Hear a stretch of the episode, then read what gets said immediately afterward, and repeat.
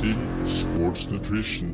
Og der er vi i gang med andre episode av Keep It. Mitt navn er Isak Sandholm, og dette er en podkast av Maxim Sports Nutrition.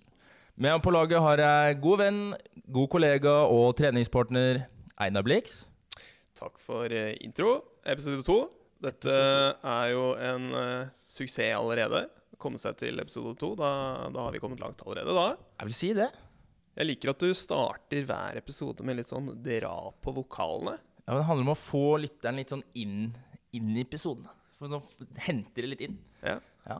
Og der er vi i gang. Kanskje neste gang blir det oh, Vi får se. Vi får se. Vi får se. Den som venter på noe godt, venter ikke forgjeves. Ja, Men det er deilig å være i gang med episode to. Um, vi har kanskje noen nye lyttere i dag som ikke har vært med forrige gang. Vi satser på det. Noen nye hver gang. Ja, det vært deilig, det. Vi satser på økt lyttertall hver, eh, hver episode. Men uh, for dere nye lyttere, vi, uh, hva driver vi egentlig med her, Isak? Tanken er jo å få dere lyttere litt sånn på innsiden. For vi har jo et stjernespekket galleri med sponsorater, sponsorater. Og vi sponser foreninger, forbund og klubb. Så vi eh, har jo ekstremt mye kjente fjes eh, vi kan dra inn her hos oss, eh, som har eh, forholdsvis veldig mye gode treningstips og eh, historier fra sin eh, konkurransehverdag, vil jeg si. Definitivt. Vi kommer til å få mye gode tips og historier utover eh, våren. Det er i hvert fall eh, planen. Dette er podkasten for deg som ønsker da gode tips fra ja, veldig gode utøvere som har vært med i gamet lenge. Med både deres treningshverdag, rutiner og ja, ernæring. Hva, hva driver de egentlig med for å bli så gode? Det er jo Mm. egentlig det vi leter etter svar på. Ja. Ja, jeg har hørt noen rykter om at eh, hvis vi tar opp tråden fra sist gang, så snakket vi om Holmenkollmarsjen. Det har jo vært eh, litt fram og tilbake med, med flytting av trasé ut i Brovoll i Romeriksåsene osv. Og så nå er det også en, en liten endring på selve messen i forkant eh, av marsjen. Og messen er jo der hvor du, hvor du henter eh, startnummer og diverse. Mm. Eh, kanskje du kan si litt om den endringen, Isak? Dessverre er det ikke noe rykte, for det er jo en god samarbeidspartner eh, av oss som eh, dessverre har valgt å ta en cowboystrekk, eller en timeout om du vil, Uh, som er veldig leit. Og dessverre så er jo dette Gressvik da som har, uh, som har holdt tak i denne messen tidligere. Så nå er jo det fremdeles mulig å hente startnummer før eh, rennet, eh, men det er nå allokert opp til pressesenteret i Kollen. Eh, Så det skal være fortsatt mulighet for å gjøre alle gode forberedelser eh, to eller én dag før. eh, Hvor da Swix, Alpina og Matsus samt vi skal være til stede, da. Ehm, Fra 11-12 til eh, klokken seks på kvelden. Så jeg kommer gjerne i lunsjen eller etter jobb. Så vil du da ha mulighet for å fikse alt av småtteri på binding, ski, smørning og ernæring. Det blir bra. Og så vil det selvfølgelig også være mulig å hente startnummeret ditt på Brovoll. Men de som ønsker å slippe det stresset, så, så er det å komme seg på messa som, som gjelder. Mm. Liten oppdatering på også ja, kollektivtransporten oppover. Vi anbefalte jo Voi eh, sist gang. Eh, vi har kanskje trukket oss litt på den anbefalingen, eh, eller Isak? Ja, det er jo Kom et lite stykke, men jeg tror ikke du helt kommer ut i, til Brovoll. Men uh, ja, så kan bli gåpåarming, det, da. Hvis scooteren begynner å ta litt sånn halv tolv. ja. Nei, men i hvert fall Det blir satt opp uh, shuttlebusser, så hvis du velger å ikke hive deg på Voien, så, så kan du hive deg på en buss i stedet, som går opp til Brovoll på, på lørdagen. Mm. Yes. Um, hva skal vi i dag, Isak? I dag tror jeg vi skal få litt eh, nyttig info om trening. Og noen kjempegode stories eh, fra Jeg lukter en liten Norseman her. Det lukter en Norseman. Det er jo en liten teaser, uh, teaser der. Um, vi kan kanskje, før vi begynner med å introdusere gjesten vår i dag, så fikk vi Vi hadde noen tips fra hverandre forrige gang, egentlig. Det var ikke fra en gjest, men vi, vi la opp noen tips til eh, hvordan vi skulle trene nå fram mot uh, marsjen om et par uker. Mm. Har vi prøvd oss på noen av disse treningstipsene, eller? Ja, altså forrige, øh, forrige ukes episode ble jo en mer sånn overordnet uh, variant, siden ingen av oss som er noen verdensmester i langrenn. Så vi var litt sånn på generelt grunnlag. Vi ønsket at så mange som mulig skulle oppsøke litt snø før, uh, før rennet. Men uh, klart at uh, romaskina har fått besøk to ganger, og man har jo på seg joggeskoene ja, kanskje litt mer. Men det er jo kondisjonstrening og generell liksom mental forberedelser jeg føler jeg har fått, fått starta med. da. Ja, jeg har vært på ski. Ja, Det er konge. Har Hvor har du vært? På, oppe i Valdres-området nå i helgen. Så har jeg fått uh, logga noen uh, gode kilometer uh, på, på, Strava. Så jeg har fått litt snø under beina og testa ut stavtakene. Så nå, nå ligger jeg litt bedre an, i hvert fall, til, til marsjen, men Kjente du korsryggen og nakken og triceps og det, det, var greit. Det, var ikke totalt uh, eh, starta på null igjen. Venstre triceps, den uh, sleit litt. Høyre gikk overraskende bra, men venstre halta litt. Hmm. Men resten av kroppen, den var uh, OK shape. Så det ligger, uh, ligger, OK an, tror jeg. Så tar du helgen nå, så er det vel uh, pallplass-sikte den 29. Hvis jeg får pallpass på marsjen, da skal jeg, eh, ja, da, da skal jeg personlig løpe til Nordkapp hvis, eh, hvis, det skjer. Ja, Nå har jeg sagt det, så nå, ja. nå gjelder det kanskje. Jeg måtte rakke sveisen på søndag etter et uh, fryktelig dårlig veddemål, så du skal aldri si aldri. Ja, for det er ikke video her, men uh, nå sitter jeg og ser på en nyglattbarbert uh, Isak uh, Sandvold her. Og han, det var litt sånn delte meninger på kontoret i går om Han sier jo selv at han Ja, du kan jo si hvordan du tro, tror du ser ut? Nei, det er jo en uh, Uten å legge noen uh, i bås, så er det en rumensk fangevokter man uh, tror man skimter i gangen her. Men for dere som lurer på hvordan dette utspilte seg, så aldri vedd imot Tottenham på overtid. det har vi sett før. Jeg fikk kjenne på det igjen. Og nå blåser det godt mellom ørene, rett og slett. Det ser, jeg syns det ser ganske bra ut. Det, det må jeg si er vanskelig for å tro deg, men uh, ja, vi får la den uh, ligge død. Ja. ja. Vi uh, kan vel begynne å nærme oss gjesten i dag. Ja. for det er jo Vi måtte jo gjennom ganske mange forskjellige lister for å se hva han hadde vært med på, for det var ikke lite. Her var det mye plasseringer både på sykling og løping og svømming. For vi begynte å nevne ski sist, men her er det jo vår største frykt. Det er jo å konkurrere i svømming på åpent hav. Ja, det snakka vi litt om uh, på privaten. Det, det, høres tøft ut. Og i hvert fall når vi, når vi snakker uh, Hardangerfjorden og iskaldt, uh, iskaldt vann. Fire Så. kilometer uh, det er jo sikkert litt strømmer her òg, så det Åh, nei, dæven. Det, det blir spennende å høre hva, hvordan den opplevelsen var. Men dagens gjest har en førsteplass fra styrkeprøven, distanse Lillehammer-Oslo. En førsteplass i Arctic Race of Norway. En førsteplass i Ranstadfjorden rundt. Øyeren rundt. En Pallplass i Telemark Tours, Tours og pallplass i Nesmila. Han har pallplass i Tyrifjorden rundt. Ikke nok med det, har dagens gjest også fullført Norseman på 15 timer. Imponerende. Han er selvutnevnt som uh, den tjukkeste til å vinne Lillehammer-Oslo. Så jeg tror uh, Har du noe å tilføye her, eller, Einar? Ja, jeg ja. har noe å tilføre. Og jeg tenker som seg hør og bør, så har vi jo en ja, Vi har en veldig spesiell gjest i dag. Så jeg har forberedt en liten uh, intro. Så får vi se hvordan dette går.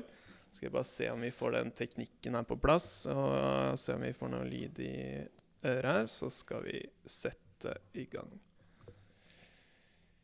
Yes. Noen utfordringer virker bare uoppnåelige.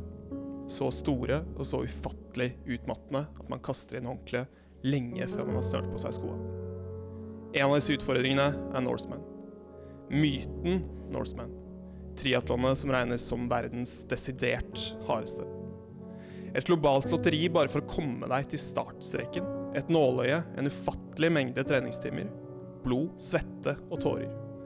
Forsakelse av alt annet enn den drømmen. Det å nå den jævla toppen. Dette er ikke for deg. Ikke noe personlig, men dette er ikke for deg. Norsemen er for mennesker som kriger, for de mest motstandsdyktige av oss, med sinn som er langt seigere enn deres egen kropp. De er ikke interessert i å være best. Norsemen er ikke interessert i å vinne. Det er noe langt viktigere enn som så. Forfølgelsen av noe som er større enn seg selv. Dette motiverer André. Han skal til den toppen, han. Koste hva det koste vil. Men idet han står på fergen, er han ufattelig redd. Jævlig redd. Men han skal til den toppen, han. Koste hva det koste vil. Og den toppen, det er Gaustatoppen.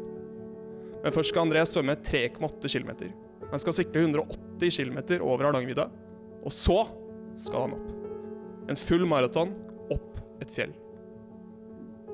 Bålet på land lokker som et reddende fyrtårn. Iskalde bølgeskvulp forvirrer hodet. En svømmetur så lang som vanlige folk bare kan drømme om. Inn til en strand der kroppen skal nullstilles, skoene skal på, og sykkelen skal på veien. Han skal til den toppen, han. André skal til den toppen. Men dette er triatlonet som knekker enhver. Dette er verdens hardeste triatlon. Det du må oppleve før du dør. Og langs det steinete Hardangerplatået innhenter ensomheten deg. Her er deg og sykkelen. En overveldende følelse av å bli forlatt. Til deg selv og kampen. Det er deg og bokstyret. Deg, sykkelen og viljen til å komme til mål. Men jeg skal til den toppen, jeg. Og når joggeskoa kommer, ser jeg fjellet. Jeg må opp med tempoet, men eh, jeg klarer det ikke. Beina har fått juling, hodet er utmattet, og hver eneste celle i kroppen har slått alarm. Nå skal det holde hardt. Nei! Dette gjør jeg for min egen del, for alle som dro på meg, og sist, men ikke minst, for mamma. Jeg skal ikke gi meg. Bare et lite, ubetydelig fjell igjen, og så har jeg den sorte trøya. Tårene triller, sikkert tiende gang, men første gang av glede. Jeg har klart det. Jeg er så sliten at jeg må støtte meg på de store steinene og ta en lang pause for hver hundrede meter. Men nå handler det om å nyte øyeblikket, sette foten foran den andre og bestige fjellet. Det jævla fjellet. Nå er jeg en Norseman. De er solide, de der. eh, Nei, nå kjente jeg fikk litt chills på slutten her nå. Men uh, dagens gjest er jo ingen uh, ringere enn André Bratli. Velkommen til oss. Tusen, tusen takk. Det var jo en voldsom intro, da. Det Det det? var rørende, rett og slett. Det var uh, mye bedre enn jeg hadde forventa. Du føler deg litt Ja. tilbake i, i Ja, det var, tilbake, det var tilbake i bobla. Absolutt. Det var, det var gode minner. Det Så bra. Det, Ja. det er jo det vi Det prøver var å skape. Sjukt sterkt levert. Jeg følte jeg var der, Einar. Ja. Eh, meget imponerende. Det er godt, godt å Ja, det høre. bra. Nei, men det er Hyggelig at du er eh, på besøk. eh, Jeg liker å kalle det studio. da Det er, det er, Det er sånn studio. Det er feeling. Det er jo et studio. Det er et fullverdig studio vi er her i. Ja, du mener det? Ja, det mener jeg. Litt sånn miksebord og tre mics og det er som å være i NRK på Marienlyst her. Ja, ja. skal ikke kimse av det studioet her. Nei, men Det er moro å høre. Um, men uh, hvem er eh, André Bratli? Nei, det var jo som du sa innledningsvis, da. Han er jo Norges tjukkeste til å vinne Lillehammer-Oslo. Eh, 29 år og minst like høy BMI. Uh, bosatt på Vika i Oslo. Så det er bare en kort joggetur ned hit, men jeg tok selvfølgelig bil. Jeg tenker jo at uh, Norseman han kjører aldri bil. Han sykler og går og løper til alle mulige steder. Men det er fortsatt eh, litt, uh, litt glad i fleksibiliteten. Absolutt. Og nå er det jo halvannet år siden jeg var med. Og jeg tok meg et velfortjent bilår i fjor, eh, hvor det ble lite konkurranse. Jeg hadde én løpekonkurranse, og det var det eneste jeg løp i hele fjor. Så ja, nå er jeg tilbake på hesten. På tide. ja, det er jo fair. Jeg tror også jeg hadde tatt meg kanskje litt lengre tid eh, av hvis jeg hadde kommet meg gjennom Norseman. Men eh, ja, jeg skal ikke si noe mer om det. Jeg, jeg husker, jeg, jeg leste jo, Vi har jo lest litt uh, en blogg, blant annet, Ja, fra, fra Norseman osv. Uh, og der husker jeg med, uh, at du skrev at du følte deg litt sånn ferdig. At, at, at Norseman er så stort at uh, det er liksom ikke noe større enn det man kan gjøre som, som idrettsutøver. da. Og Mm. så skrev du også at ja, nå vet jeg ikke Nå, nå burde jeg egentlig lagt eh, skoa på hylla, for nå, nå har jeg runda gamet, liksom. Ja. Det, var, det er litt den følelsen. Ja, men jeg tror det er veldig individuelt. Eh, jeg eh, har på en måte Min store drøm i mange år har vært Norseman. Etter første gang jeg leste om det å liksom Alt det man skal gjennom før man på en måte når toppen og gaustetoppen, så er det, det er på en måte så mye greier, da.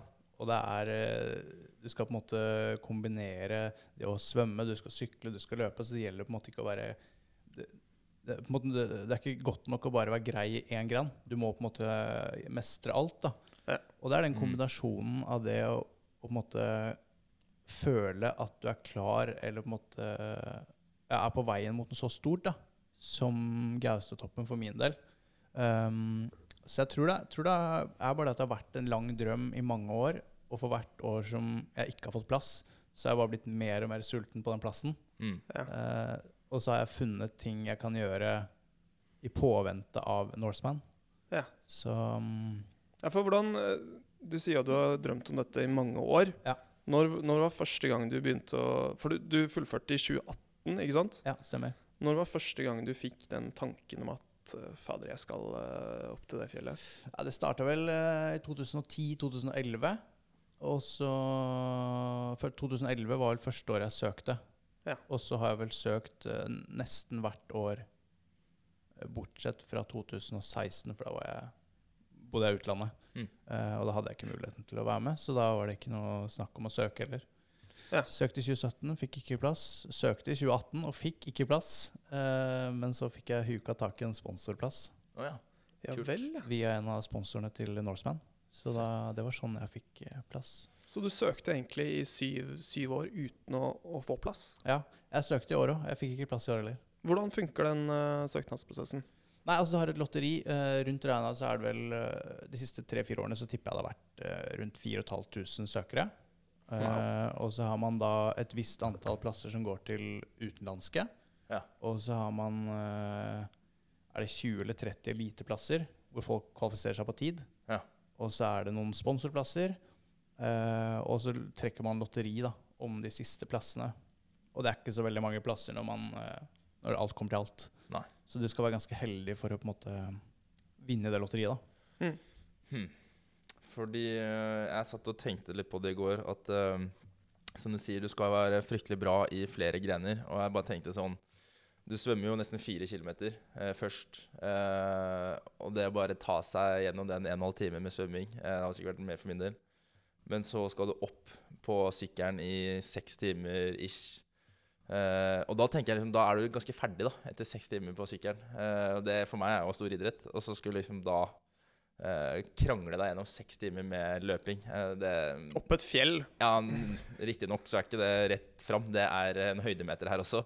Ja. Eh, så nei, det er liksom man tar av seg hatten, og man kjenner jo Vi snakket om det i går, det har vært dritkult å være med. Men uh, du må jo legge noen uh, timer i bånn her som Ja, det er vanskelig å se for seg akkurat nå, men det, er, det er applaus, altså. Ja, takk. Det er hyggelig. Ja, kanskje vi skal starte rett og slett på det, det sporet der. Hvordan Du har snakket litt om at du har søknadsprosess hvert år og ikke kommet med. og Så kom du med. Hvordan la du opp Altså Hvordan forbereder du seg, til et, eh, et sånt uh, løp? Eh, for det første så er det vel de fleste som på en måte søker, de har vel et mål om å gjennomføre eller komme til Gaustatoppen. Uh, og du får vel vite det sånn uh, første andre uka i november om du får plass. Og så er det da første helgen i august du har rundt, rundt regna ti måneder da, og på en måte bli klar, da. Så jeg håper jo og tror at de fleste som søker, på en måte har et grunnlag før de kommer med, da. Mm. Eller får vite at de får plass. Så de, de aller fleste har nok bakgrunn fra kanskje sykling eller løping. Mm. Og da har man et greit utgangspunkt Uh, i løpet av ti måneder. Hvis ikke du har crawla før, så klarer du å lære deg å crawle. Altså, jeg kunne ikke svømme. Og jeg skal ikke, jeg skal ikke si at jeg kan svømme den dag i dag heller, men uh, etter noen YouTube-videoer og coachingtimer senere, så, så klarer man alltid å karre seg gjennom. Så, men jeg tror det handler om kontinuitet i treninga.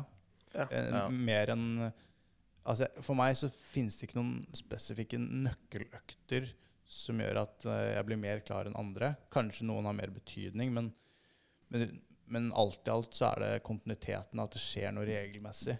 At ikke du får de store oppholdene med sykdom eller skade, eh, som jeg faktisk fikk med skade. Jeg, Um, Beininhinnebetennelse, var det det? Beininhinnebetennelse. Ja. Jeg løp eh, Ecotrail, halvmaraton. Eh, ja, etter ti kilometer så skjønte jeg at nå bør jeg egentlig stoppe, men det gjorde jeg ikke. Jeg måtte jo inn.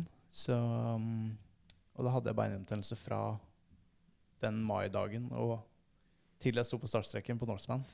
Og den lengste løpeturen jeg hadde sammenhengende før Norseman og etter Ecotrail i mai, var syv kilometer sammenhengende. Og så skal man da ut på et maraton. Så det var en viss spenning knytta til den løpinga.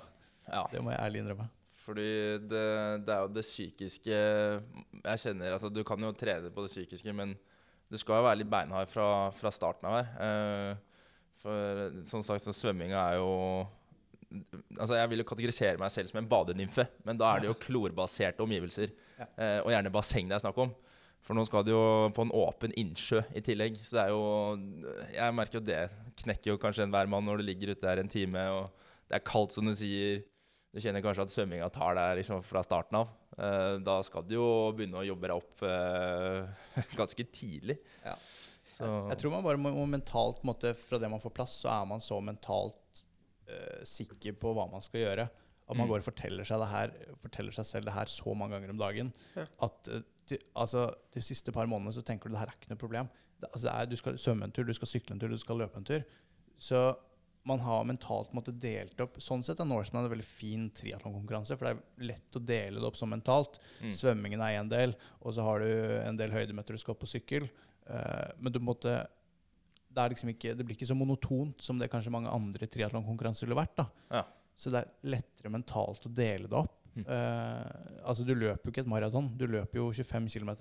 Og så de aller færreste, kanskje de to-tre beste, klarer å løpe opp til toppen. Ja. Så det er liksom, du svømmer, det er på en måte én bit, og det er kanskje det verste, i hvert fall for min egen del. Og så er det syklingen. Du har nesten fire mil sammenhengende motbakke Oi, fra start og opp til Hardangervidda. Ja. Eh, og da har du på en måte allerede gjort unna fire av 18 mil. da. Og så er det ja, eh, sånn På kartet så er det noen høydemeter ned fra toppen og til Geilo, som er seks mil. Ja. Da er du halvveis. Mm. Ikke sant? Så da kan man og, og liksom når det begynner å bli halv, og så når det er halvveis, da, da er det litt lettere å måte komme seg videre. Og du har et par ganske tøffe fjell etter det også. Eh, tre topper, som, men da tar du liksom topp for topp. Og så vet du at den verste toppen kommer til slutt. Og når du er på toppen der, så har du syklet 15 mil, har du tre mil igjen. Ja. Og de er ned, nedover. Ja. Så og løpingen er La oss si at du bruker de første 10 kilometerne på å komme i gang, da. Eller fem. Og så på en måte når du har løpt fem eller ti kilometer, da, så har du henholdsvis da 10 eller 15 km du er i bunnen av fjellet. Ja. Når du er i bunnen av fjellet, da vet du De aller fleste vet om de får løpe til Gaustatoppen, eller om de blir tatt uh, til side om å løpe til Gaustablikk, hotellet, oh, ja. og hvit trøye. Ja, for hvordan funker det der? Nei, altså det er det 161. som passerer eh, 32,5 km, uh, som får løpe til toppen. Og de som er etter nummer 160, altså nummer 161 og senere, de må løpe fram og tilbake foran Gaustablikk-hotellet. Som for meg hadde vært en sinnssyk nedtur. Ja. Det, Det kan jeg se for på nå. Hadde, Ja. ja. det er nummer 161, vennligst eh, tre av til venstre. Å, herregud. Ja, altså det har vært mange grinete runder her. Ja.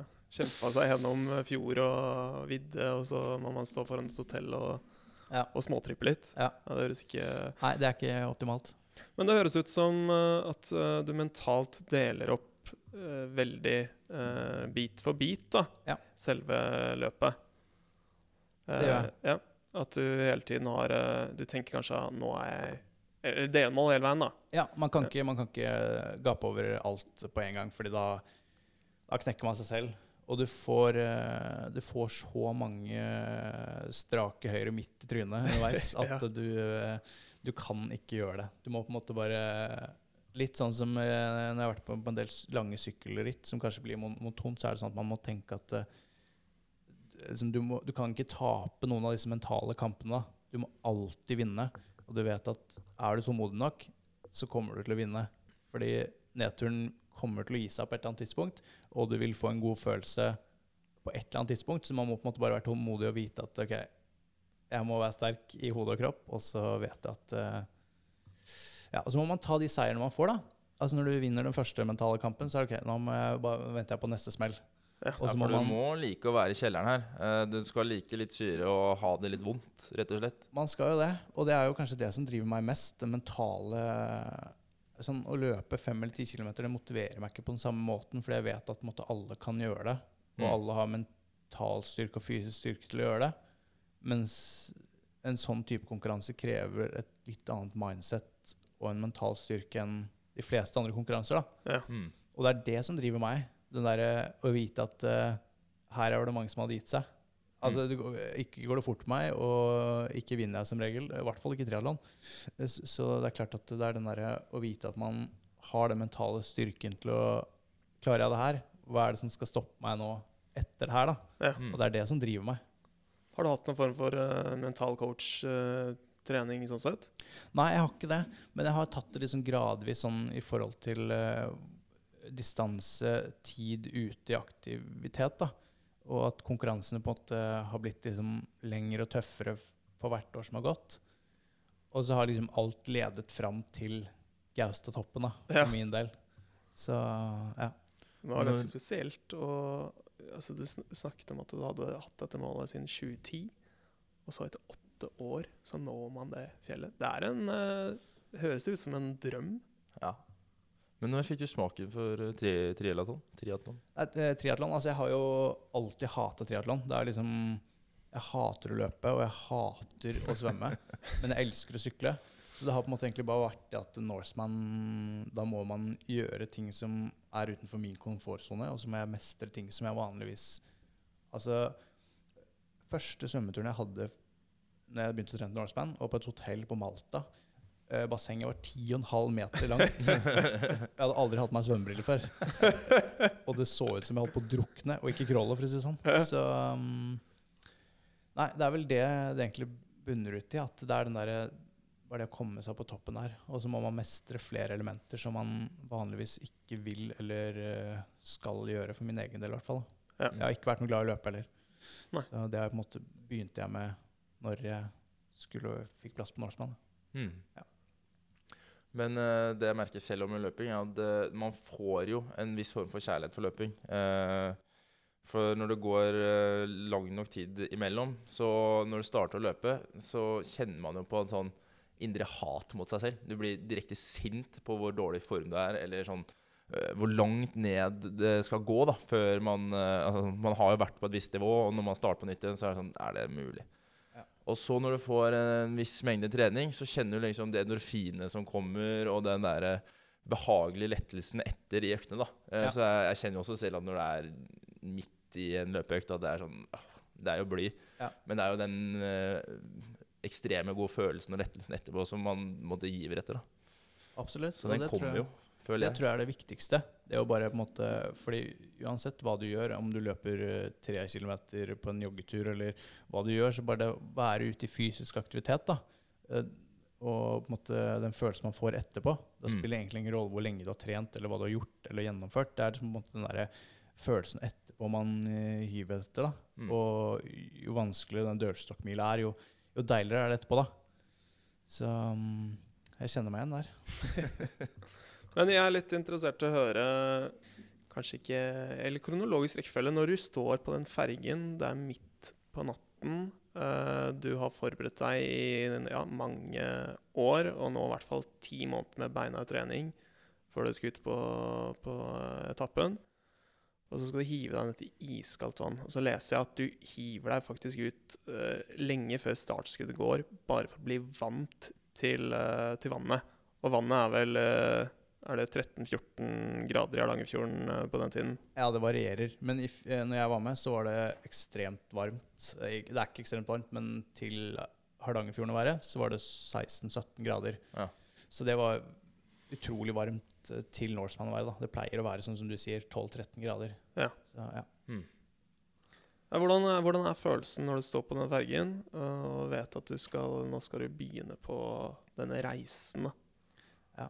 Nei, eh, for det første så er det den, den største frykten er det når du står på ferja der, du har på deg våtdrakta, alle er liksom i sin egen boble, du, de færreste prater, de, de sitter der og bare er så sinnssykt kontrollert, eh, kon, altså så sykt konsentrerte og fokuserte på det de skal gjøre.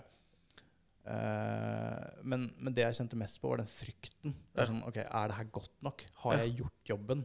Og det er sånn, det er veldig få konkurranser hvor man kommer til noe hvor man tar på seg startnummer og tenker sånn. Fordi altså Når dere for løper 5 og 10 km eller halvmaraton, så vet dere at det, det er ikke noe problem. Det handler bare om tiden for min del. ikke sant? Mm. Men det her er en konkurranse hvor du er ute så lenge, og det er så mye uforutsette ting som kan skje, Ja. at du vet aldri om det du har gjort, er godt nok. Altså, jeg perset med nesten 2000 meter på den svømminga. Jeg hadde aldri svømt mer enn 2000 meter. Så det er klart at når man da perser med 1800 meter på svømming, og det er på svarteste natta i bølger og motstrøm, så er det klart at det tar nok litt mer krefter enn man hadde forutsett. Um, og så får man heller ta konsekvensen av at man ikke svømte like mye som man burde, og, og det står jeg for fortsatt. Men det er den frykten av at det liksom Er det godt nok? Fordi hvis og for jeg visste for min egen del at hvis det er godt nok, så er det med så små marginer at uh, det er helt vilt. Men samtidig så er det sånn Hvis ikke det er godt nok, så får du den hammeren i bakhuet rett som det er, og da er det så fortjent. Mm. Og samtidig, liksom, da går den drømmen i tusen biter, da. Ja. Og så vet man liksom Får jeg sjansen til det her noen gang igjen? Ja, ikke sant. Prøvd i åtte år, og så Ja. endelig kom man med. Og på svømming så er det jo greit nok, fordi da, da på en måte da Altså svømming, hvis ikke du klarer å crawle, så er det bare bryste eller rygge. ikke sant? Du kan ryggsvømme eller bryste, da. Og, og på sykling, der er det en måte der du kan ødelegge så mye, fordi der kan du punktere, du kan miste kjede, du kan ryke kjede, du kan, ikke sant? Du, kan, du kan få tekniske problemer. På løping så er det sånn ok, du kan bli skada, men de aller fleste klarer å gå uansett hvor skada man er. da. Mm. Mens på syklingen så er det sånn hvis ikke du har en sykkel som funker, så er du stuck. Da Mm. Da er du, da er du stuck. Og det var det som skjedde med meg. Altså Jeg har i min 15 år lange karriere som syklist aldri ryket et kjede. Mm. Og det skjedde. Og det skjedde. Hadde du med deg ekstra kjede i sekken, eller Nei. Men det er støtteapparat, er det ikke? Du har et støtteapparat. Men min Altså, jeg har aldri ryket kjede noen gang. Først så hopper kjeda to ganger, Oi. og så bare OK ah, Hva faen gjør jeg nå, liksom? Ja. Ja. Og så um, på med kjede igjen. Og så tråkker jeg til, og så bare mm, OK, nå røyk kjedet. Ja. Og jeg eh, har aldri bytta et kjede i hele mitt liv. altså Jeg er sånn, jeg strekker høyre hånd opp i været og venter på følgebilen, liksom. Ja. Sånn er jeg. Um, og de gutta jeg hadde eh, som support, de var på toppen av neste bakke, for de skulle vente på meg for å gi meg mat og drikke. Så jeg hadde ikke på en måte, det var ingen som, så jeg måtte si ifra til disse utøverne som passerte meg, mens jeg sto der og hylgrein oppi bakken. Og bare sånn Dere må si ifra at den bilen må komme tilbake, fordi jeg har rykekjede, og jeg er stuck. Så tok det sikkert 10-12-15 minutter før jeg måtte være på sykkelen igjen. Og, hadde, og det var 24 stykker som hadde passert meg. Og jeg visste at jeg allerede hadde gjort det veldig dårlig på sykling til og med meg. Mm. Altså Jeg regna med å være blant de 30-40 beste på sykkel. Det var sånn øh, Altså 40, da hadde jeg gjort det dårlig på sykkel. Jeg skulle være blant de bedre på sykkel. Og så har man da tekniske problemer, og beina fungerer ikke i det hele tatt. Det var, sånn, det var som å stange huet i veggen i seks timer. Det var ikke én god følelse på sykkel. Og så punkt, altså, mister man kjedet, da. Ryker Mm. kjedet. Så mm, ja. Og da hadde jeg ganske mange plasser å ta igjen. da. For jeg visste at jeg allerede lå dårlig an. Og jeg måtte ha et ganske godt utgangspunkt idet jeg skulle ta på meg løpeskoa. Fordi jeg er dårlig til å løpe. Ja. Og jeg er skada. Så jeg måtte, måtte ha et godt forsprang ut på sykkel, eller ut Mm. på løping. Um, og det er ganske sånn Det var en tung uh, følelse å vite at uh, man er det, her- OK, nå ryker det. Nå ryker det, altså nå går det ikke. Nå sykler jeg, men jeg veit at det her ikke kommer til å gå. Mm. For hver gang jeg møtte supporten min, så var det sånn Hei, gutta, altså, hvordan ligger jeg? Er er jeg, liksom, er jeg 120? Er jeg 140? Liksom, hvor mange plasser har jeg bakover? Hvor mange minutter har jeg bakover? Jeg må vite det, fordi altså, hvis jeg er håpløs, så gidder jeg ikke. Så bare setter jeg den sykkelen her, og så drar jeg hjem. Det gidder jeg ikke. Ikke sant? Så, um, men ned til eh, løpingen så var jeg nummer 98. Jeg hadde kjørt inn ganske mange plasser på vei ned fjellet. Jeg ganske, altså Når du er så tjukk og feit som meg, så er det klart at det går ganske fort nedover. Ikke sant? Så Nei, men, men da var jeg nummer 98 ut på løpingen. Mm. Og de første ti kilometerne så hadde jeg tapt 17 plasser. Oi. Ja. 17 eller 18 plasser, og da tenkte jeg ok, det, her, det er sjanseløst. Ja. Og så tenkte jeg bare sånn, det går- sakte. Det går 6.35 fart, altså det er under 10 km i timen. Bare tenkte jeg, ok, jeg får bare holde ut. Jeg må bare fortsette, jeg må bare fortsette å male. Tenkte at ok, noen kommer til å få en hammer i baker. ikke sant? Det er jo bare tidsspørsmål. Ja. Spiste og drakk, og, og så ble tatt igjen av Jon Almås. Oi! Kopperud sjæl, eh, ikke sant? Og han bare 'Dette er det dummeste du kan gjøre', ikke sant? Han, han sa jo det. Eh, og så um, fikk jo han litt mageproblemer litt lenger opp i bakken der, eller lenger frem. Så det tok han igjen. Og så ble vi løpende sammen til bunnen av bakken. Uh, og da fikk vi høre at uh, ok, dere er safe, dere kommer til å klare det hvis dere bare går opp den bakken her nå. Så jeg prøvde å småjogge litt og gå litt raskt, ikke sant. Så mm, da kom jeg opp til uh, cutoff. Altså der hvor du må være blant 160, så tror jeg jeg var nummer 135. Ja. Da ble du safe. Da var jeg safe. Ja. Ja. Så ja. Da var det bare å traske opp gassetoppen. Ja, det er stor idrett, ass. Det, Så det var kult, det. Altså. det er helt insane. Men hva, hva driver du om dagen? Nei, jeg jobber jo som personlig trener. Ja. Um, og har for det meste liksom bootcamper rundt om i byen eh, for uh, privatpersoner og bedrifter. Uh, løping og styrke kombinert. Og så har jeg uh, et par um, online-kunder som jeg coacher på sykling og løping for det meste. da. Som skal bli bedre til å løpe eller bedre til å sykle. Så prøver å veilede de på best mulig måte. Dette er jo treningsglade mennesker som ikke trenger at jeg står der fysisk og ser på. Noe for som meg er ganske deilig. At man på en måte vet at uh, får de et program, så følger de det. Mm. Og så kan man da overvåke de litt på Garmin Connect og bare se at det her er jobben Ja, det gjort. Ja, for du er, eh, du er i utgangspunktet en syklist, som Ja. du nevnte. Så det er der du også har din, din forse. da. Ja, det er så absolutt sykling som på en måte har vært min, min greie. Ja. Så, som jeg har drevet med alle år, egentlig. Ja, Du har gode resultater. Ja, altså Førsteplass på styrkeprøven er jo ikke, det er ikke bare bare. Ja, nei, det var jo Jeg tror det er den sleipeste seieren jeg har i hele mitt liv. Ok. Jeg lå på bakhjulet til uh, fire gutter fra et lag som heter Team Kjekkas, som uh, ja, som tidvis prøvde å kjøre fra, fra oss, og så ebbet det egentlig ut i at uh, jeg satt på bakhjulet he Altså, jeg dro ikke en meter og tok spurten nede i tunnelen her inne i byen, og da var det ganske dårlig stemning. så nei, jeg skal ikke Ja, det var morsomt å vinne, da. For all del. Men uh, det var nok uh, sikkert ti andre som fortjente seieren mer enn meg. Men det er fellesstart, og tenker det er førstemann i målet som gjelder. Så da. Sånn er det. Ja. Så du er sykkelens svar på Petter Northug? Ja, altså Når du ikke har form, så må du liksom bruke de egenskapene du har, da, som for meg har vært spurt og avslutninger. Ja. Så da må jeg liksom spare krefter underveis. er så- Sånn game er. Det er det. Det er Eh, det. Man velger selv hvordan man bruker kreftene. Men det er morsomt de merittene du leser opp, for det her er jo ikke det er ikke det siste åra. Det, er ikke 19 det er ikke 2019 vi prater om. Nei, Vi var inne på Swix sin sånn uh, oversikt, og det var jo sidevis og side opp og side ned. Så vi tok jo, tok jo for så vidt ut det beste, men uh, du har vært med på litt, da. Det har jeg absolutt. Og det syns jeg er morsomt å, å farte litt rundt. Og selv om kanskje ikke formen tilsier at man burde vært påmeldt eh, her eller der, så, så syns jeg det er kult å startnummer er alltid moro. Det gjør noe med deg. Det veit jo dere sikkert alt om. Da våkner du. Man gjør det. Man, ja, det går en eh, F i deg da, altså. Men nå har du fullført uh, Norseman, du har vunnet styrkeprøven. Uh, vi snakket litt om at du kanskje var litt mett uh, når du var ferdig med Norseman. Ja. Hva er det som uh, trigger deg nå, eller er det noe som trigger deg nå? Ja, altså nå, I utgangspunktet så har jeg jo gått høyt ut og sagt at X-Raid på en måte har vært eh, siste sprell som jeg har lyst til å være med på. Det kjenner ikke jeg til. Nei. Nei, det det, er et litt fjelløp Ja. et som arrangeres på forskjellige steder rundt om i Norge hvert år. Man får aldri vite om hvor det er før sånn i ja, januar, og så er det, går det av stabelen i juli. Det er 100 og, du har noen sjekkpunkter som du må innom, og så er det hvis du løper optimal løype, så skal det være ca. 125 km løping. Ja. Um, og så pluss-minus 7500 høydemeter. da. Ja. Um, og vinnertiden er er, rundt 20 timer, da. Så jeg regner at hvis jeg skulle vært med, så hadde jeg sikkert brukt rundt 30 timer. Men det blir veldig monotont, og jeg har egentlig brukt hele høsten på å trene meg opp til det. Men i og med at jeg har vært såpass skada med beinbetennelse, så har det på en måte um, Jeg har ikke fått så mange timer ute som jeg burde ha fått, og brukt lengre tid på opptrening enn jeg trodde jeg kom til å gjøre.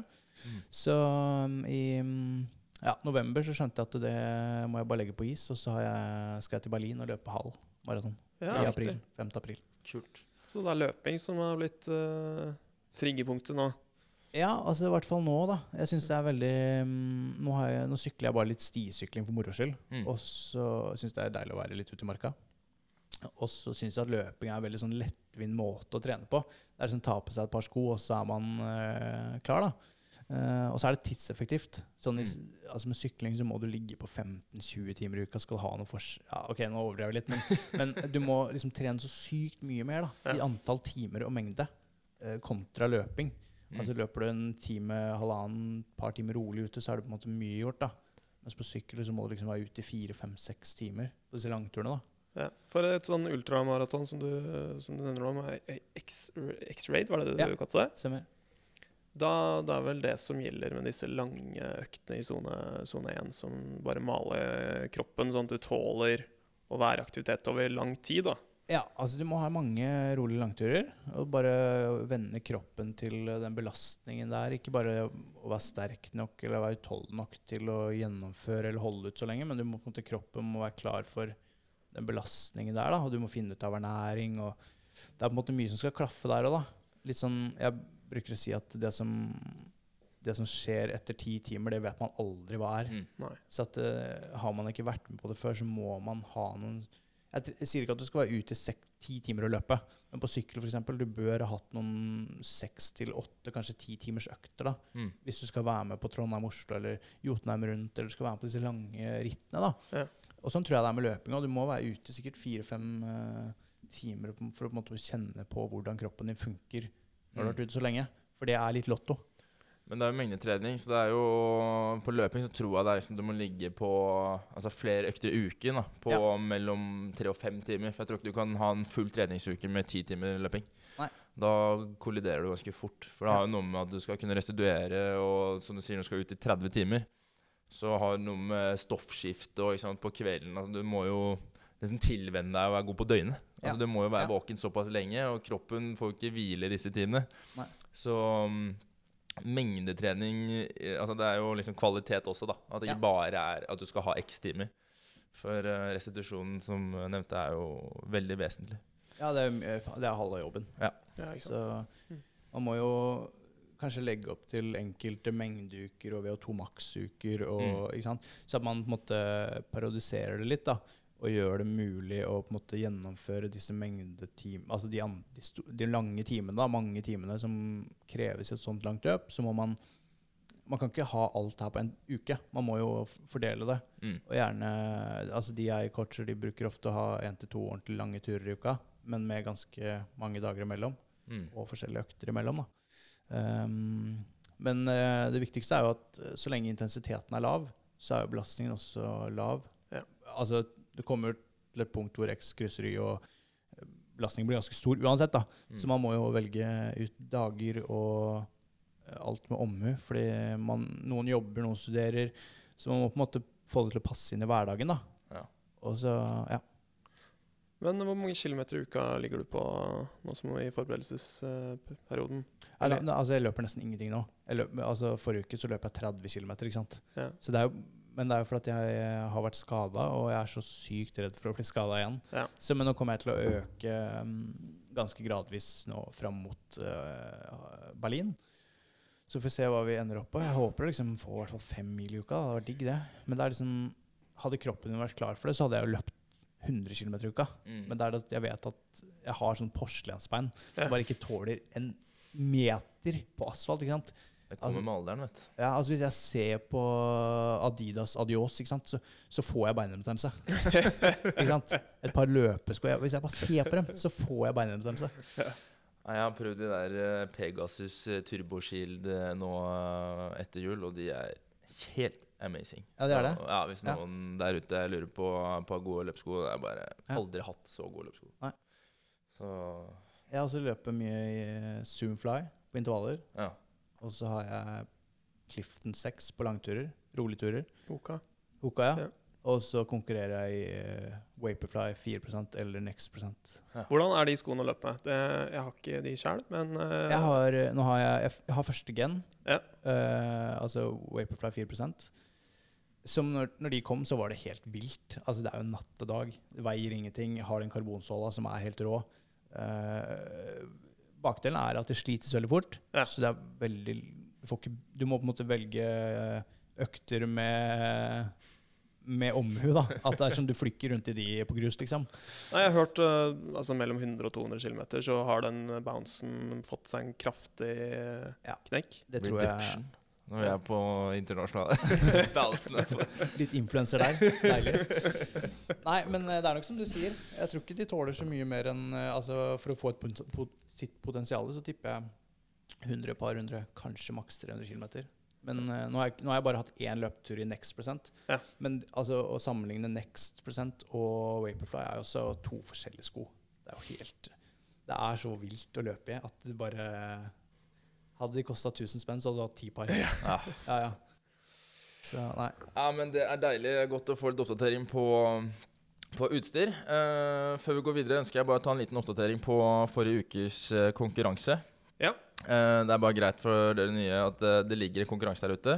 Du kan vinne to eh, sitteplasser til uh, Holmenkollmarsjen, som nå er på Brovoll. Eh, og da er det å tagge i Maxim sine sosiale kanaler. Tagg en venn med hashtag Holmenkollmarsjen. Bare en sånn liten update der. Der er det gode muligheter for uh, pass og parpass. Parpass. Nå er jo Valentine's over, så det er vanskelig å gi det i gave. Men uh, fremdeles er verdien på 910 kroner per, uh, per plass. da. Hvordan er det med deg, André? Er du noe langrennsglad, eller? Nei, jeg, jeg tror jeg brekker meg når jeg ser langrennsski, så det er jo Få det vekk, sier jeg. Okay. Nei, vet du hva, jeg er ikke noe glad i Jeg fikk et par uh, felleski. Jeg tror det er noe sånn R-skin Rossignol uh, til jul for et par år siden. Eh, jeg har hatt én tur i den sesongen her. Jeg tror jeg fikk fire kilometer opp på Frognerseteren i november. Så jeg var tidlig ferdig på jobb, og så fikk jeg banka fire kilometer. Jeg vet ikke om jeg kan kalle det banking engang, for det var bare fire kilometer. Tok sikkert en time, men eh, Nei, jeg er ikke så fan av langrenn. Jeg har vært med på et par renn sånn da jeg var sånn 10-11 år. Men eh, jeg tror det er egentlig bare fordi jeg ikke mestrer det. Mm. Men jeg, det, det ser ut som en vanvittig deilig sånn treningsform og veldig effektiv mengdetrening eh, for hele kroppen. Da. Spesielt liksom mage, rygg, armer. Du får liksom alt. Helt Ja, det er noe med det. Og så er det jo litt sånn godt å komme seg ut i marka. Så man, jeg, kjenner man får sånn sunne verdier av å være ute på ski. Ja, man blir friskus. Ja, man, man blir sånn, Du kjenner deg sunn gjennom hele Du er litt sånn Lars Monsen når Ja. du legger skia i bilen. Auraen din blir sunn. Ja. Det er en deilig følelse. Og da er du, du er glad for den vinteren som har vært i år, da, med andre ord. Ja, det er helt overlegent. Bare håper det aldri kommer snø igjen. Ja, vi, vi må hoppe på litt dryss eh, av snø, eh, rett og slett. Men eh, ja, nå begynner vi å bikke inn i nye sesonger snart. Ja. Men, Altså, bare for å ha det sagt, så syns jeg at det er trist at det ikke er snø. Ja. Selv om ikke jeg liker å gå på ski, så syns jeg det er digg med snø. ja, vi er så- nordmenn. Ja, vi er det. Ja. Så det er klart, selv om det er litt sånn vårvær, så burde det ha vært snø her. Nei, for vi eh, er jo en podkast med spalte. Man kan, kommer jo ikke uten. Eh, det er jo litt sånn der. Eh, og vi er jo veldig glad i idrettsøyeblikk. Vi vil liksom bli tatt inn i den derre eh, Hva skal jeg si Den fasen av eh, ditt liv når du har vært på konkurranser. Hva, hva er det du sitter igjen med som ditt sterkeste idrettsøyeblikk eller minne? Nei, altså det er jo Nå har vi snakket sykt mye om Norseman, eh, men det på en måte er liksom Ja. Det er det. Det, er, det fins ikke noe mer eh, spesielt for meg enn Norseman. Eh, og det å på en måte sitte oppe på gassetoppen der, og du bare er Du husker ikke hva som har skjedd i livet ditt de siste halvannen timen. Du bare er helt borte. Og du har liksom møtt på Kommer på, kommer på gruppetimer eller PT-timer eh, litt senere på høsten, og så er det sånn Ja, kult, vi, vi hilste på deg på, eh, på vei opp til gasstoppen. Så bare Det tror jeg er piss. Det husker ikke jeg nå. Ikke sant? Så, så man eh, Jeg tror det er det. Det må jeg helt klart at det, det å sitte oppe på gasstoppen der og bare se utover en sjettedel av Norge og vite liksom hva man har gjort, da, eller hva Mm. man har klart å prestere um, er liksom Det kan ikke samling, For meg så kan ikke det sammenlignes for noe. Uh, men det er jo helt individuelt hva man selv syns er på en måte det helt spesielle, da. Mm. Eller det å for eksempel, Det å vinne Lillehammer-Oslo er kult. Det, måte, det å vinne er jo også en morsom eh, og, og digg følelse og en mestringsfølelse, men det blir på en litt annen måte. Mm. Jeg tror det kommer litt an på hvordan mindset man har til hver enkelt konkurranse. For eksempel for deg så vil det kanskje være å løpe sant, lav 34 på mila. Som er liksom OK, check. Dritdigg, det har jeg jobba for kjempelenge. Uh, mens for andre så kan det være å ikke sant? Du har eh, Martha på 45 som aldri har løpt før, som gjennomfører sin første 10 km på 1 time og 20 minutter. Mm. Altså det gir den samme mestringsfølelsen.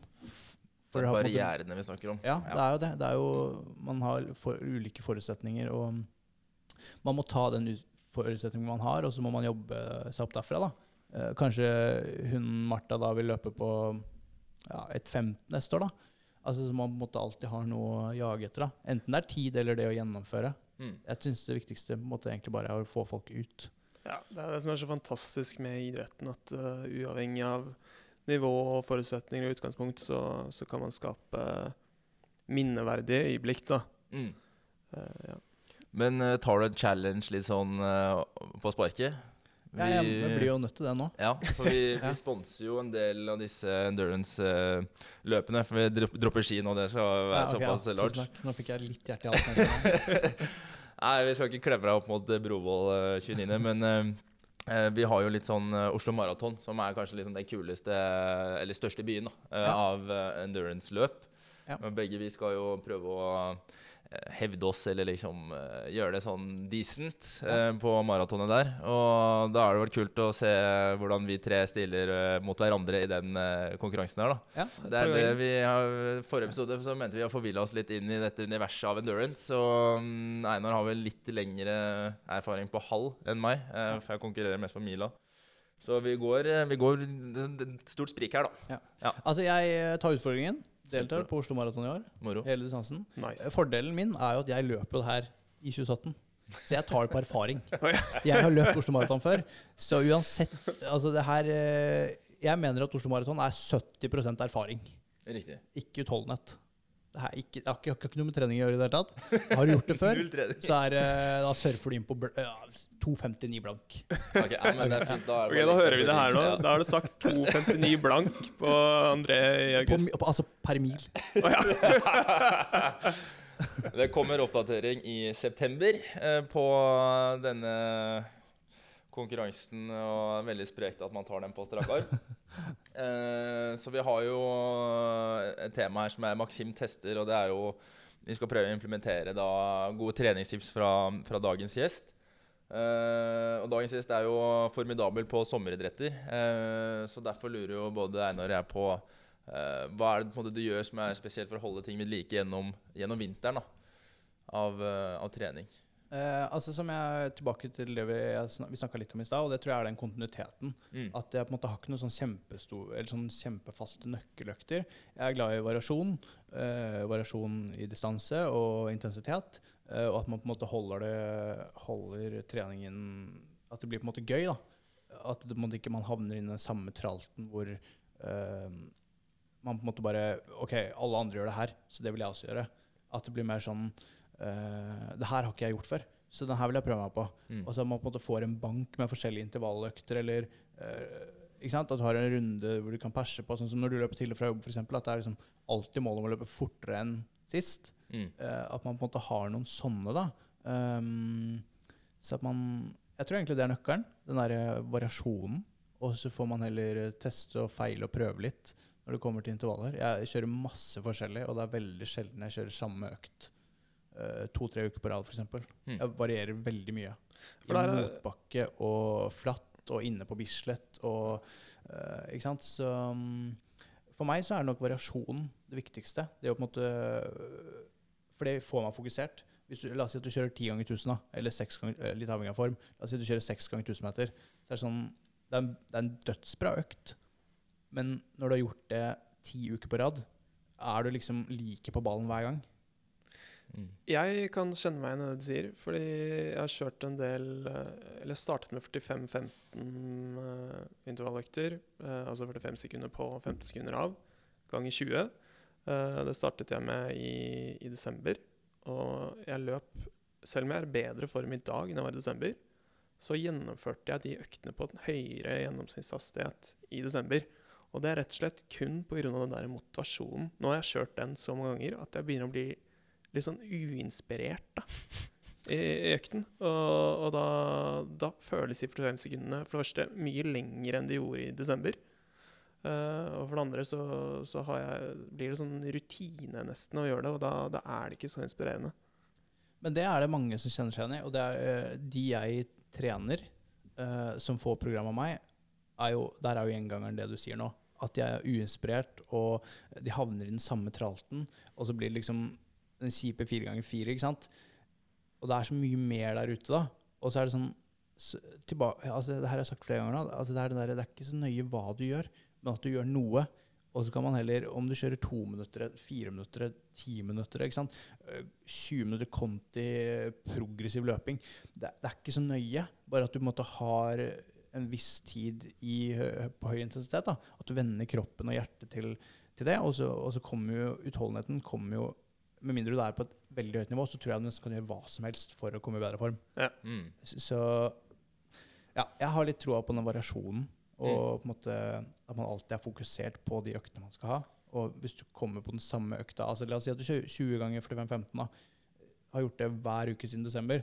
Så det er ikke dritfett å komme der eh, torsdag morgen og liksom løpe, sette mølla på det samme som du gjorde i desember, og så løpe. ikke sant? Du må på en måte mm, Enten så må du kanskje la oss si løpe 70-20, da. 70 sekunder på, 20 sekunder av. Og så på samme fart som du løper 45-15. Altså på en måte tøy, at du må tøye strikken litt. grann. Da. At du måtte- ja. ja, du må uppe litt, ass, og, og på en måte være litt på, og så gjøre hver økt interessant. For Mm. at det skal, og det skal jo være gøy. Det er jo halve moroa. Det skal jo være gøy å komme på trening. Jeg mener hele moroa. Det skal være gøy. Ja, ja greit. 69% da, skal være gøy. Eh, ja, for det, vi skal prøve å implementere et par eh, treningstips. Og det blir jo det første løpet vi skal være med på, blir jo da løpsbirken uh, i sommer. Uh, I hvert fall som det står nå. Uh, og hvis du kunne gitt oss en liten sånn kjapp setup for en fin treningshverdag i neste uke, eller mot neste episode, da. Ja. Så vi kan gi lytterne en litt sånn der, forsmak på hvordan, hvordan den treningsuka har vært. Ja. Ja.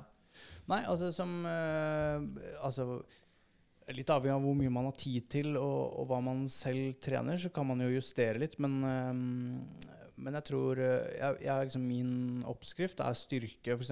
Eller nå har jeg ofte hviledag på mandager, og så har jeg intervall tirsdag. Og så har jeg styrke og ellipse på onsdag. Egentlig mest fordi jeg er sånn porselen som må ha ellipse. Men det opprettholder den derre løpeteknikken. Eller altså, du måtte få den løpsfølelsen av ellipse. Mm. Og du kan kjøre godt kjøre intervaller på ellipse også, for det er ganske tungt. Hvis Mm. man bare gidder, selv om det ser litt corny ut. Det er jeg for så vidt enig i. Um, torsdager så pleier jeg å ha um, bare en rolig økt. På, det varierer fra 6 til 10 km.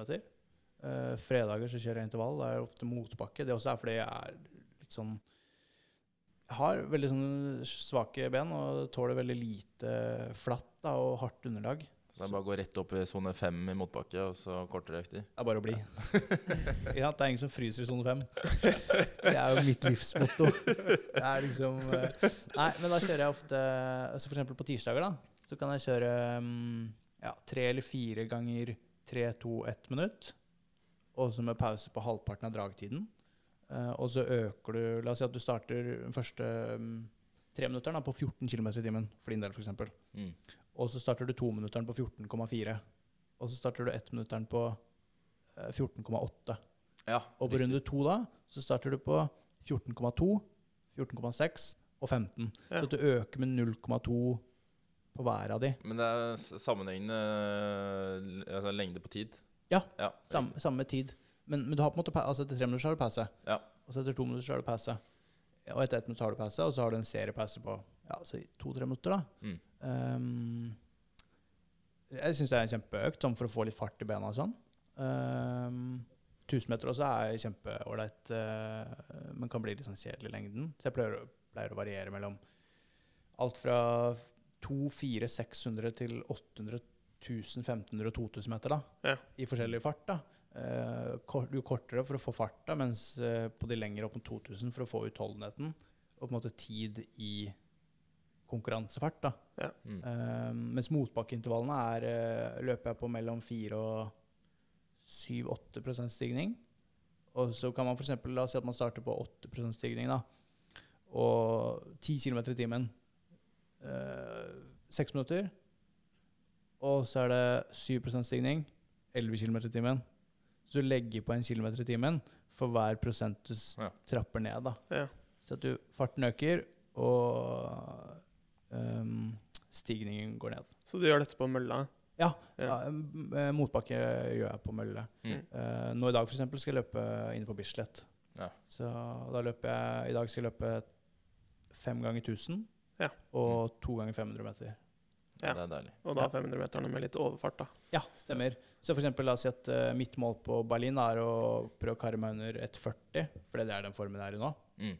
Uh, så vil jeg løpe de 500 meterne på 4,25-4,30 fart ca. Ja. Mm. Så, um, Men og så få til en langtur i helgene, da. Ja.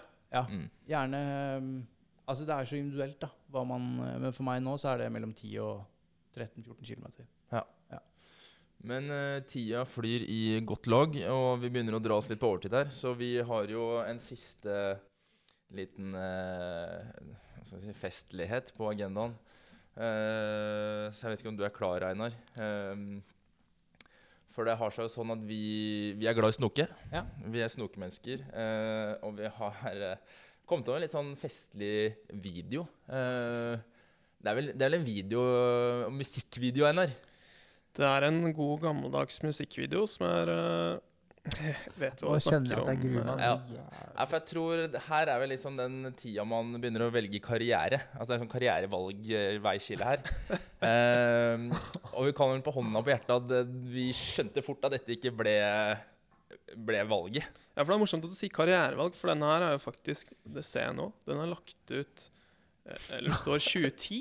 Og det var jo første året André også tenkte, tenkte på å melde seg på Norseman. Så da, her var det jo da enten skal man bli full, fulltidsartist, eller så skal man bli Norseman. Nå kjenner jeg at jeg får vondt langt Ja. inni hjertet. Fordi, vil du si navnet på bandet, eller eh, skal jeg Ja, du kan godt, uh, du kan godt dra det, du. Ja, nei, fordi uh, det vi skal vise dere nå, er et klipp fra The Shitheads med Z. Eh, vil du ta ordet videre, Einar? Ja, uh, The Shitheads, altså. Uh, bare se på videoen her, på screenshot, så er det tre, tre forholdsvis unge karer som står på en scene. Jeg tror det står Ja, det står noe i bakgrunnen Det er noe sånn sangkonkurranse med noe publikum osv. Så, videre.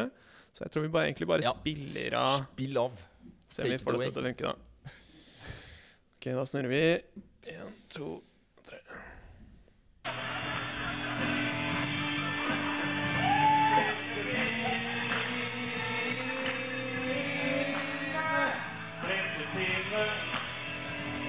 Dra litt på splitter pinen der. Det, vi hørte en liten teaser. Du, du skjønner hva vi prater om nå? Ja, jeg skjønner godt hva vi prater om. Hva har du å si til uh, dette foreløpig altså, musikkarrierehøydepunktet? eh, For det første, er du helt sikker på at det er meg? Er vi reaksjoner? Eh, Utspiller vel lett Nei, fordi altså, nå må jeg jo ta dere på den her, for det her er jo ikke meg. Og det er ikke deg! Nei, det er ikke det. Så det var, men eh, jeg vet at det florerer et uh, klipp av meg som eh, synger noe Britney Spears, uh, blant annet, i noe og trikotgreier. Uh, så um, ja. Jeg er veldig glad for at ikke dere har funnet det, og at det her er uh, bare et par kompiser som jeg gikk på folkehøyskole med. Ai, ai, da var det en liten strek strekk i strekk i regning. Men Britney Spears, var, den var jo Hvor finner vi denne videoen?